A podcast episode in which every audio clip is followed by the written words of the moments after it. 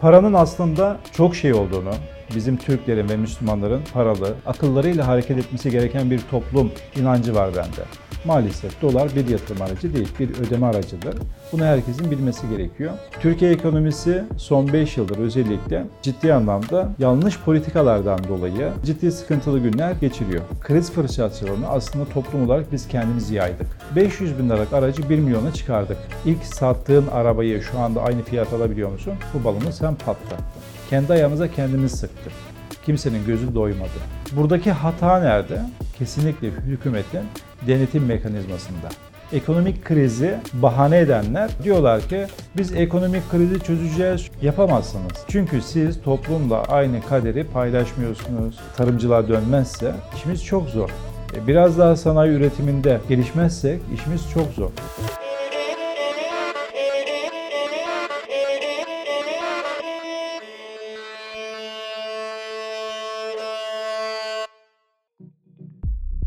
...12 kardeşli bir ailenin en son evladıyım. 9 erkek, 3 kız. Aslen orduluyum ama orijinal orduluyum. Ben 40 günlükken babam beni, ablamı, 3 hafta önce rahmetli olan ağabeyimi alıyor ve orduya göç ediyor İstanbul'da. Hayatımın e, lise 2 sınıfına kadar olan kısmı Ordu'da, memlekette geçti. Devlet parası yatılı okullarında yetiştim. Aile şirketimiz var ve aile şirketimizin içerisinde döviz bürosu, kuyumcu mağazaları, inşaat, gıda, otelcilik gibi birçok sektörde faaliyet gösteriyoruz. Yani para nerede? Biz oradayız. Her anlamda ticaret yapıyoruz. Paranın olduğu her yere girdik. Mücadele ettik, biriktirdik, birlik ve beraberlik olduk. Olan olmayana verdi. Ciddi anlamda çok fakir bir ailemişiz. Hatta rahmetli annem bu fakirliği iliklerine kadar yaşamış bir kadın. Ama hamdolsun hiç şikayetçi değiliz. Zor şartlar içerisinde abilerim özellikle kendi ayakları üzerinde durmak için çalıştılar. Ele ekmek tutan saldırdı, ekme, ele ekmek tutan saldırdı. Çok ciddi anlamda hayat mücadelesi verdiler. Fakirlikten dolayı babamı da çok hor gördükleri için herkes o ezikliği, geçmişteki hor görmezliği falan hepsini gördü. Bir abime, onu hiç unutmam mesela, köyde bir kız seviyor. Bunlar çok fakir aile, sana bakamaz diye abime kız vermediler.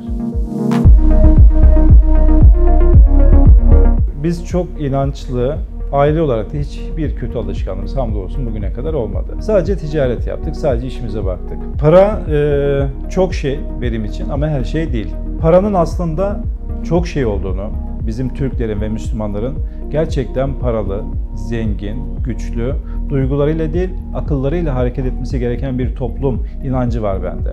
Sakızdan çıkan laflar var ya, para hiçbir şeydir, para senin köpeğin olsun, bilmem ne böyle geyik muhabbetleriyle insanları hep oyalamışlar. Böyle ilginç bir kültürden gidiyoruz. Yani Türk toplumunun kafasını kuma gömmüşler.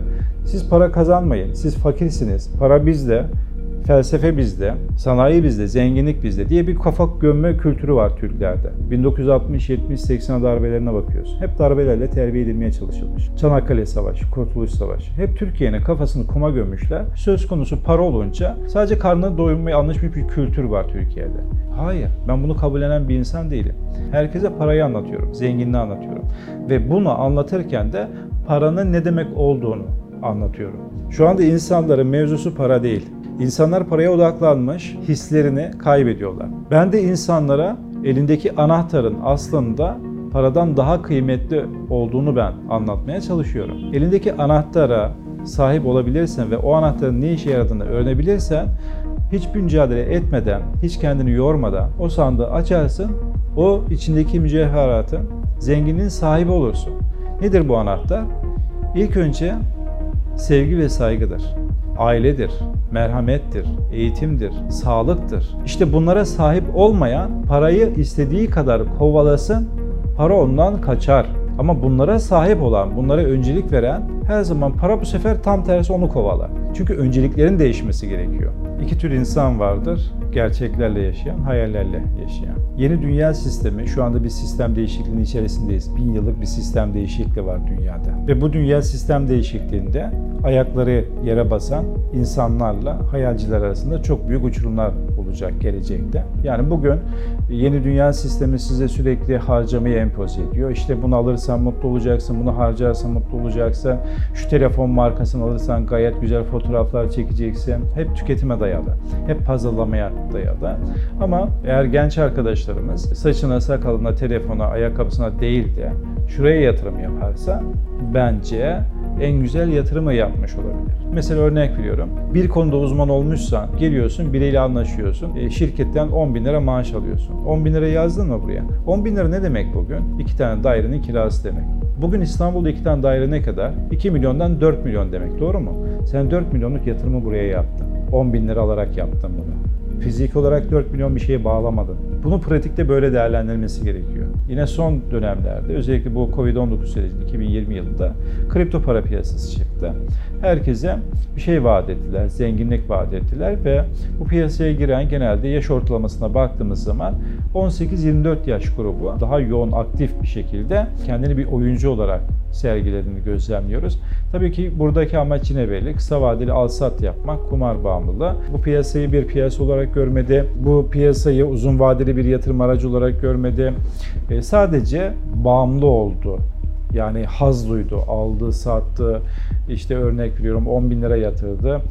2 e, bin lira kazandı. Bu 2 bin lira sanki 20 bin lira kazanmış gibi çevresini anlatmaya başladı. Sadece şunu söylüyorum arkadaşlar. Fiyatlara bırakın miktara bakın. Biraz daha gelenekçi olmaya bakın. Çünkü dünya gelenekçi oluyor. Bu Covid-19 sürecinde gördünüz. Herkes kendi evinde ekmek yaptı, yemek yaptı. Bunlar hep aslında bizim özümüzde olan şeylerdi. Ama biz bu özümüzü kaybetmiştik maalesef. Şu anda yine bütün genç arkadaşlarımıza yakaladığım zaman arkadaşlar diyorum yani bu alım, satım, bağımlılık bırakın bunları ve ben Adalet Bakanlığı'nda yine bilir kişilik yapıyorum. Benim okuduğum bu dosyalardaki hikayeleri emin olun burada beraber okusak şurada otururuz hep beraber ağlarız. O kadar çok hacizlere gittim ki hiç kimse bana 10 yaşındaki bir kız evladının haciz sırasında babası pahalı bir saat almıştı onu. Aa benim saatim dedi daha 10 yaşında. Masanın üzerinden saati alacak güya. İcra memurları dedi ki hayır alamazsın biz bunu haciz ettik. Ve 10 yaşındaki çocuk hacizin ne demek olduğunu bilmiyor. Direkt döndüm ve o gün söyledim babasına. Dedim yaptığını gördün mü? 10 yaşındaki çocuğun yaşadığı olaya bak. Hiç dedim değdi mi? Kumar oynamana değdi mi?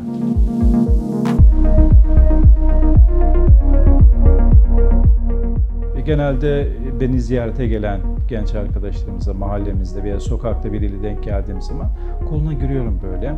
Ne yaptın diyorum mesela. Nerede okuyorsun? Şurada ne olacaksın falan filan. İşin para kısmıyla hiçbir zaman ilgilenmemelerini tavsiye ediyorum ve bir işe bağlı kalmayın birçok iş yapan. Ben mesela bugün tüccarlık da yapıyorum ama Adalet Komisyonu'nda bilirkişilik de yapıyorum. Ama ajanslarda finans analisti olarak da görev yapıyorum. Bana bugün desinler ki saat 10'dan sonra başka bir iş var yapar mısın? Hay hay derim yaparım. Her iş tecrübenin getirdiği bir kazanç demek. Gelirini ne kadar artırırsan özgürlüğüne bir o kadar sahip olursun. Ve her zaman ben genç arkadaşlarıma şunu diyorum. Kendi krallığını kur. Başkasının krallığında hiçbir zaman özgür olamazsın. Bugüne kadar insanlar cebinde her zaman para taşıyor. İnsanlar şunu sorgulasın. Dünyada milyarlarca insan var ve milyarlarca insan cebinde veya cüzdanında para taşıyor. Cüzdanı bir para taşıma eşyası olarak görüyorlar. İş evlatlarının, sevdiklerinin, ailesinin fotoğrafını taşıyor mu noktasına baktığımız zaman da bu sayı milyonlara düşüyor. Babamın var. Anamın yok ne yazık ki. Anamın fotoğrafı yok. Olmaz mı? Oğlum var, eşim var. Var. Babam. Yok sevdiğim yanımda zaten. Yok maalesef. Var. Babamın resmi var. Bazen oluyordu önceki zamanda da şimdi insan zaman içerisinde biraz daha ekonomiye çok yönelince biraz o tür şeylere pek vakit ayırmıyor. Vallahi şu anda kendimin fotoğrafını taşıyamıyorum ki sevdiğimkini taşıyayım. Kendim bile sevmiyorum düşün. Ben de diyorum ki o paranın üzerindeki fotoğraf mı seni mutlu ediyor yoksa ailen mi seni mutlu ediyor? İnsanlar parasını korumak için dolar satın alıyorlar. Bu benim çok ağrıma gidiyor. Şöyle bir örnek veriyorum ben. Son 20 yılda dolar dünyada en fazla konuşulan veya Türkiye'de en fazla konuşulan bir para birimi. Ama getirisine baktığınız zaman da Maalesef dolar bir yatırım aracı değil, bir ödeme aracıdır. Bunu herkesin bilmesi gerekiyor. Eğer doları bir yatırım aracı olarak veya bir kazanç olarak insanlar görüyorsa büyük gaflette. Türkiye ekonomisi son 5 yıldır özellikle ciddi anlamda yanlış politikalardan dolayı, hatalı politikalardan dolayı e, ciddi sıkıntılı günler geçiriyor. Bunu küresel ekonomik krize bağlayanlar da var. Dünyadaki enflasyon patlamasına bağlayanlar da var. Eyvallah. Doğru. Ancak bizim durumlarımız daha farklı. Çünkü içeride siyasi popülizm daha fazla. Teknik olarak ekonomi bağımsız olsaydı ve biz ekonomiyi yöneten insanları biraz daha ciddi anlamda seçebilseydik, piyasanın ayarlarıyla oynamasaydık, Sayın Cumhurbaşkanı'nın ekibi daha farklı bir ekip olsaydı, insanların seslerine biraz daha kulak verselerdi, bugün böyle bir problem yoktu. Yeni kurulan sistem insanlar zenginleşsin diye kurulmadı insanlar fakirleşsin ve elindekini almak için kuruldu. Bu ayrımı mutlaka yapmak gerekiyor. Bu enflasyonun patlaması tevafuk değil. O kadar yoğun bir faiz indirimden sonra patlayan enflasyon sürpriz değildi. Ki hiper enflasyon süreci başlıyor. Yani resesyon. Bugüne kadar mal kıymetliydi, nakit kıymetsizdi. Bundan sonra nakit kıymetli olacak, mal değersiz olacak. Tabii kriz fırsatçılığı da beraberinde geliyor. Hangi ülkeye giderseniz gidin, turistsiniz, 5 lira şeyi 10 liraya satarlar. Bütün ülkelerde bu standarttır. Ama bizim içeride kriz fırsatçılığını aslında toplum olarak biz kendimiz yaydık. Ne yaptık mesela? 500 bin liralık aracı 1 milyona çıkardık. Tamam, güzel. Ben bu işten nasıl nemalanabilirim? Öz sermaye ne kadardı? 500 bin lira. Şimdi ne kadar çıkardın bunu? 1 milyona çıkardın. Al sat yap. Ne kadar kazandın arada? 300 bin lira, 400 bin lira. Ana sermayene ulaşabiliyor musun şu anda? İlk sattığın arabayı şu anda aynı fiyat alabiliyor musun? Alamıyorsun. Balonu sen patlattın. İki, arabayı 1 milyon yaptın. Peki bu arabanın parçaları yarın bugün kaza yaptığın zaman kaç paraya alacaksın? Bu balonu sen patlattın. Kendi ayağımıza kendimiz sıktık. Kimsenin gözü doymadı. Herkes bir şeyden nemalanmaya çalıştı. Kur atakları, enflasyon ve ekonomik krizle alakalı yaşanan fiyat artışlarıyla kriz fırsatçılığı ayrı şeylerdir. Kriz fırsatçılığı toplumun kendi yaptığı eylemlerdir. Sıfır araçlar hemen plaka takıldı otoparklarda. Sıfır arabanın değeri 1 milyon, ikinci el arabanın değeri 1 milyon 200. Al sana fırsatçılık. Gıda tarafına bakıyorsun. Gramajlar düşüyor, fiyat yükseliyor. Paket aynı, içindeki gramaj 1 kilo ise 800 grama düşüyor. Al sana fırsatçılık. Buradaki hata nerede? Kesinlikle hükümetin denetim mekanizmasında. Hükümetin denetim mekanizması sahada aktif olmadığı için maalesef bugünlere kadar geldik. Devlet kudretini burada tam olarak gösteremedi. Çünkü burada eğer işin ehli olan bir ekip görevde olsaydı bugünleri biz görmezdik. İlk önce güven kazanmak lazım. Türkiye en büyük sermayesi güven. Bunu kaybetti. Bugün mikrofonu sokaktaki vatandaşa uzatın. Deyin ki yıl sonunda dolar kurunu 20 lira bekliyorlar. Evet olabilir. Ben de 25 bekliyorum der vatandaş. Sokaktaki vatandaşa deyin ki dolar 10 liraya düşecekmiş. Güler ve geçer.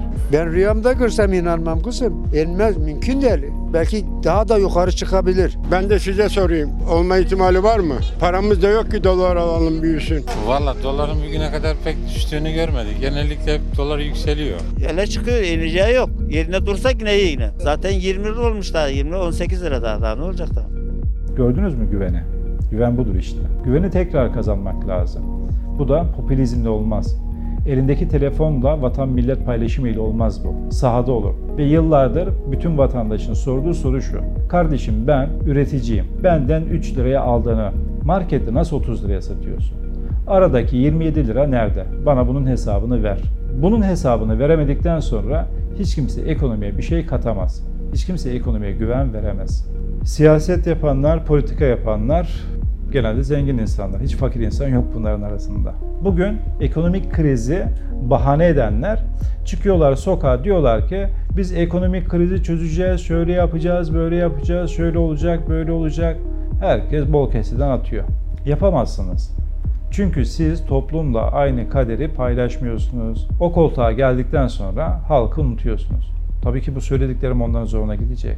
Hayır canım ne alakası var? Biz her gün sahadayız. Herkesle fotoğraf yiyoruz. Tabii canım fotoğraf vermek ne olacak? Bir sosyal medya ekip tutuyorsun, bir fotoğraf makinesi. Bir sarılıyorsun önüne gelene. Bir şak şak şak şak. Bitti. Bunun adına siyaset diyorlar. Cumhuriyet tarihinden bugüne kadar uygulanan politikalara baktığınız zaman üretimden ne kadar çok uzaklaşırsanız ekonominiz de bir o kadar batar. Toplumda bir o kadar fakirleşir. Bu net. Biraz daha gelenekçi yapısına dönmezse, tarımcılığa dönmezse işimiz çok zor. E, Biraz daha sanayi üretiminde gelişmezsek, bilim ve teknolojide gelişmezsek işimiz çok zor. Yapılmıyor mu? Tabii ki yapılıyor. Peki bu kadar çok e, üretim var, insansız hava uçakları, işte savunma sanayindeki ciddi e, bizim ürettiğimiz araç gereçler, bunlar Türkiye'nin gurur kaynağı. Yeni arabamızı yapıyoruz. Tamam eyvallah, eyvallah, eyvallah. Sonuç o gelir halkın cebine geldi mi? Yani o pasta pay edilirken halkın cebine ne kadar girdi? Kısmı sıkıntı. İşte bu sıkıntıyı çözmeden ÖTV'si, vergisi falan artmaya devam edecek. Çünkü açık var. Çünkü Türkiye kendi ülkesine harcadığı miktar kadar da farklı ülkelere yardım eden, farklı ülkelere ciddi anlamda yardımcı olmaya çalışan bir devlet. Şu anda Türkiye'de 5 milyon civarında bir sığınmacıdan bahsediyorlar. Resmi rakamlar. Gayri resmi kaçak yollarla gelene baktığınız zaman belki 10-15 milyon kaçak sığınmacı var. E kardeşim sen bunların hastanesi, okulu, bakımı, maaşı vesaire milyar euro para harcıyorsun. Avrupa'dan bu parayı alıyor musun? Kısmen. E o zaman niye kapılar açıp bunları göndermiyorsun? Sorumluluğu herkes üstlensin. Sen dünyada farklı ülkelere yardım yapıyorsun, bağış yapıyorsun vesaire tamam. Ama öncelik öncelik sıralamasına baktığın zaman içerideki bir pasta var. Halka bunu paylaşman gerekiyor. Ama dışarıdaki harcadığın miktara baktığın zaman maalesef çok da kabul gören bir miktarlar değil. Yani buradaki denge terazisini bence ayarlamak lazım. Ne bileyim yani kitap okumak benim çok hoşuma gidiyor. Not alıyorum mesela. Bu beni çok mutlu ediyor. Ee, yine YouTube'dan kendimi geliştirmek için çok güzel videolar izliyorum. Bu beni çok mutlu ediyor. Arabayla bir yere giderken hemen açıyorum mesela dinleyerek seyahat ediyorum. Bu beni dinlendiriyor. İşte kedim var, köpeğim var. Hayvanlarla işte vakit geçirirken beni dinlendiriyor. Uyumayı çok sevmiyorum. Maksimum 4 saat civarında falan ya. Maksimum. Sabah namazından sonra hemen çıkarım. İlk önce günlük raporumu, analiz raporumu yazarım. Onların mailini yaparım. Ondan sonra çıkarım, günlük hayatıma başlarım. Akşam artık eve kaçta dönerim, onu Allah bilir yani. Yine Silivri'de hayvanlarım var, buzağlarım var, keçilerim var. Onları sevmeye gidiyorum hafta sonları. Deşarj oluyorum. İsterseniz gidelim oraya. Her hafta sonu buraya gelirim. Burada hayvanlarla vakit geçiririm.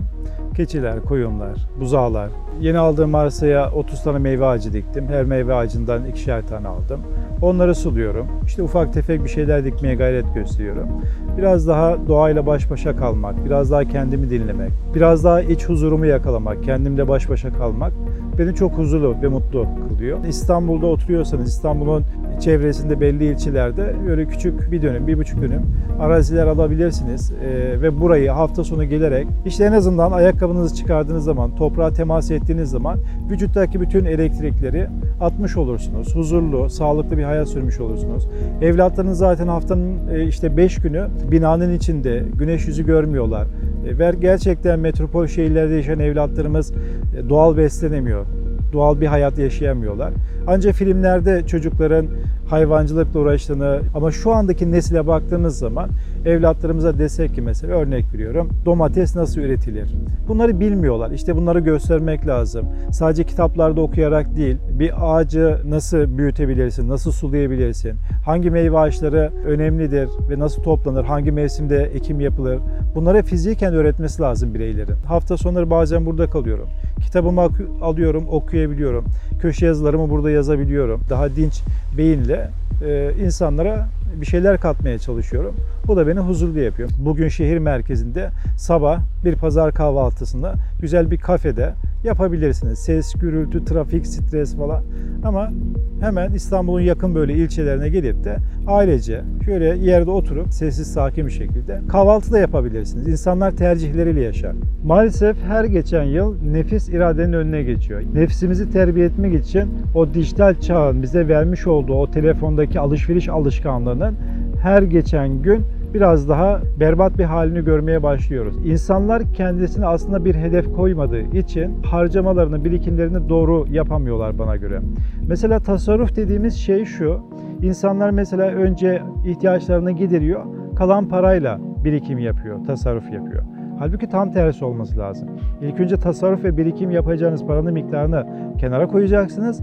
Artanla hayatınızda ancak o kadar devam edeceksiniz. Yani alışkanlıkların değişmesi lazım burada. E bir de geleceğe dair yapılan uyarıların veya bugünkü dünya ekonomik koşullarının veya sosyolojik değişimin veya yeni dünya düzeninin farkında olmakla alakalı bir süreci de insanlar kendine yedirmesi gerekiyor. Kulağa hoş gelmeyen ama gerçekleşen olaylar karşısında insanlar son yıllarda sürekli sistemi eleştirir. Bu dünyadaki bütün insanlar için böyledir. Genç arkadaşlarıma şuna dikkat çekiyorum. Telefon bağımlılığından kurtulmak için mutlaka şunu yapmanız gerekiyor. Çantanızda bir tane kitap olacak. Her fırsatta işte seyahat ederken, bir yerde bir arkadaşınızı beklerken 5 dakika bir vaktiniz olsa 5 dakika içerisinde 2-3 sayfa kitap okuyabilirsiniz. Bu sizin kendi gelişiminize ciddi anlamda katkı sağlayacaktır. Yani burada sadece kitap okuma kısmı değil, alışkanlığı kendine değiştirmek. Ben para biriktiremiyorum. O zaman senin kazancında, birikiminde bir problem var. Şimdi kazancında bir problem varsa farklı işler arayışında olabileceksin. Farklı işler arayışında olabilmen için kendini farklı niteliklerde yetiştirmen gerekiyor. Çünkü başvuru yaptığın zaman senden nitelik beklerler. Bana ne katacaksın diye sorarlar. Mesela evde çalışmayan, ev işleriyle meşgul olan hanımefendilere ben sık sık evde kendi paralarını kazanabileceklerini, kendi sigortalarını ödeyebileceklerini sürekli empoze etmeye çalışıyorum. Evet, başkasının merhametine muhtaç olmayın. Kendi ekmeğinizi kendiniz kazanabilirsiniz. Kendi el sanatınızla internetten bir satış yapabilirsiniz. Sonuç bahane yok. Çözüm var. Eğer sürekli bir bahanenin üzerinde durursanız hiçbir zaman başarılı olamazsınız. Bahane üretmek çok basit ama zor olan nedir? Tercihtir. Sabah 5'te kalkmak zordur. Zor olanı başaracaksın. Ek iş yapmak zordur. Zor olanı başaracaksın. Belki şu anda benim konuşmalarımı duyunca bile bana gıcık oluyorlar mesela. Hayır. Ben bile sabah 5'ten gece saat 12'ye kadar harıl harıl çalışıyorum. Ben bir sektörde çalışmıyorum. Benim gündüzleri yemek yemeye bile vaktim yok. Bunu para odaklı yapmıyorum. Kendimi geliştirme adına yapıyorum. Para peşinden zaten gelecek. Bir hafta tatil için bir yıl borçlanan insanlar var. Herkes tercihlerini ona göre yapmalı. Ve bu hayat acımasız. Şikayet edenler, kendi işine bakanlar. İnsanlar kendi tercihini buna göre verecek. Hata, hedefsizlikle alakalı bir şey. Nefisle alakalı bir şey. Tatili hak etmen için kendini ödüllendirmen lazım. İnsan kendine şunu, şunu, sormalı. Ben ne yaptım da kendimi ödüllendirdim. Mesela 10 yıldan beri ailece çalışıyoruz. Ev hedefimiz vardı. 10 yıldır biz birçok şeyden fedakarlık ettik. Evimizi aldık ve kendimizi ödüllendirdik. Bravo. O tatilin helaldir. Evim yok, arabam yok ama ben gidiyorum 5 yıldız otellerde örnek veriyorum bir haftada 20 bin liralık tatil yapıyorum. Kusura bakma. Kimse gelip senin cebine para sokmaz. Parayı biriktiriyorsun, biriktiriyorsun, biriktiriyorsun. Çoluk çocuğun geleceğinden bahsediyorsun. Hayallerinden bahsediyorsun. Elindeki bir- biriktirdiğin miktarla kumar oynuyorsun. Ne, ne, ne yapacaksın? İşte altın düştüğü zaman alacağım, yükseldiği zaman satacağım. Döviz yükseldiği zaman satacağım, düştüğü zaman alacağım. Yok ya. Bu kadar kolay mıydı hayat? Biz niye sabah 5'te çıkıyoruz, tırmalıyoruz akşama kadar? Bu sistemi kuranların parası yok mu? Ben zengin olacağım. Zengin olacaksan terleyeceksin.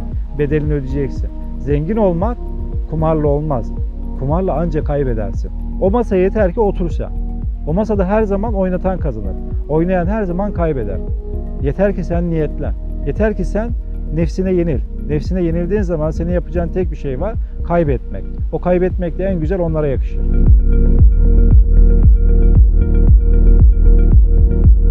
Üniversite mezunu olmayı bence gözünde çok büyütüyorlar. Bugünkü dönemde üniversite mezunu olmak çok da bir şey değil. Yani yıllık ücretini veriyorsun, okullarda okuyorsun ve bitiyor. Yani özel lise gibi bir şey yani. Önce insanlar şuna karar verecek. Efendim ben dijital üreticiyim, yazılımcıyım, şuyum, buyum falan ama e, sen bir meslek sahibi olman lazım. Yani örnek veriyorum. Hiç kimsenin yapamadığı bir şeyi nadir yapan insanlardan olman lazım. Herkesin elinde telefon var. 15 yaşındaki arkadaşlar belki bilgisayarı benden güzel kullanabilir. Eyvallah. Bu iyi bildiğin anlamına gelmiyor. İyi bir kullanıcı olmakla iyi bir ticari veya kazançlı bir kişi olmak arasında dağlar kadar fark vardı. Burada milletimiz yapması gereken tek bir şey var. Geleceğe dair çok toz pembe hayaller kurmayacaklar. Sistemi bir anlamaya çalışacaklar. Şu andaki sistem, 2022 yılındaki ekonomik sistem soygun yılı. İnsanları soymak için empoze edilmiş bir düzen var. Zaman zaman merkez bankaları faiz indiriyor, faiz artırıyor, şöyle oluyor, böyle bak. Bir bakıyorsunuz altın fiyatları düşüyor, çıkıyor, gümüş çıkıyor, kripto paralar düşüyor, çıkıyor falan vesaire böyle karma karışık bir şeyler oluyor. Ama burada milletin yapması gereken şey fiyata odaklanmayacak, miktara odaklanacak. Benim elimde 10 bin dolarım varsa ben bunu bir yıl içerisinde nasıl 12 bin dolar yaparım? Benim elimde 100 gram altınım varsa bir yıl içerisinde ben bu altını nasıl 200 gram yaparım? Fiyata bakmayacak, miktara odaklanacak, gelenekçi olacak, tasarruf yapacak, israftan uzak bir hayat yaşayacak, ilişkilerine dikkat edecek, sırrını başkasıyla paylaşmayacak, güvenlik tedbirlerini mümkünse maksimum seviye alacak, aile ilişkilerini had safhada tutacak, evlatlarına sahip çıkacak. Devletler ve hükümetlerin yapması gereken şey de e, tamamen bir zihniyet reformu yapması gerekiyor. Tarım politikalarında, dış politikalarında her anlamda zihniyet reformu yapması gerekiyor. Yani halka ve halkın ihtiyaçlarına veya dünyadaki değişime ayak uydurması gerekiyor. Önemli olan şu, sen alışveriş yaptığın zaman veya o krediyi kullandığın zaman gerçek bir ihtiyacın olarak mı kullanıyorsun, desinler diye bir hayat mı yaşıyorsun? Desinler diye hayat yaşayanlar her zaman helak olacaklar. Elinde telefon 24 saat şikayet edecekler. Hayat pahalılığı, ekonomi, hükümetler falan böyle şikayet etmeye devam edecekler. Ama ihtiyaçtan dolayı mı sen bu krediyi kullandın? Gerçekten buna ihtiyacın var mı? Sürekli niye borçlanıyorsun? Neden tasarruf yapıp nakit paranla bunu almıyorsun? Hac, umre için yakında zaten kredi kullandırırlarsa ben şaşırmam. İşte burada insanların bu rüyadan uyanması gerekiyor. Bu hipnozdan uyanması gerekiyor. Şu ayaklar yere basacak. Uçmayacaksın. Şu anda o sosyal medya etkisiyle aa ne güzel giyiniyor, ne güzel yaşıyor, ne güzel aa benim de olsa e tamam senin de oluyor basit. Çünkü elindeki telefondan bir tuşa basman yeterli. Kredi kartı bilgilerini veriyorsun ayağına kadar geliyor. Dışarı çıkıp zahmet etmene bile gerek yok. Çünkü sistem böyle kuruldu. Sistem senin harcaman için kuruldu. Sen mücadeleni şöyle vereceksin. Benim harcamamam lazım. İşte bu mücadeleyi veren insanlar başarılı insanlardır. Nefsine dur diyen insanlar başarılı insanlardır.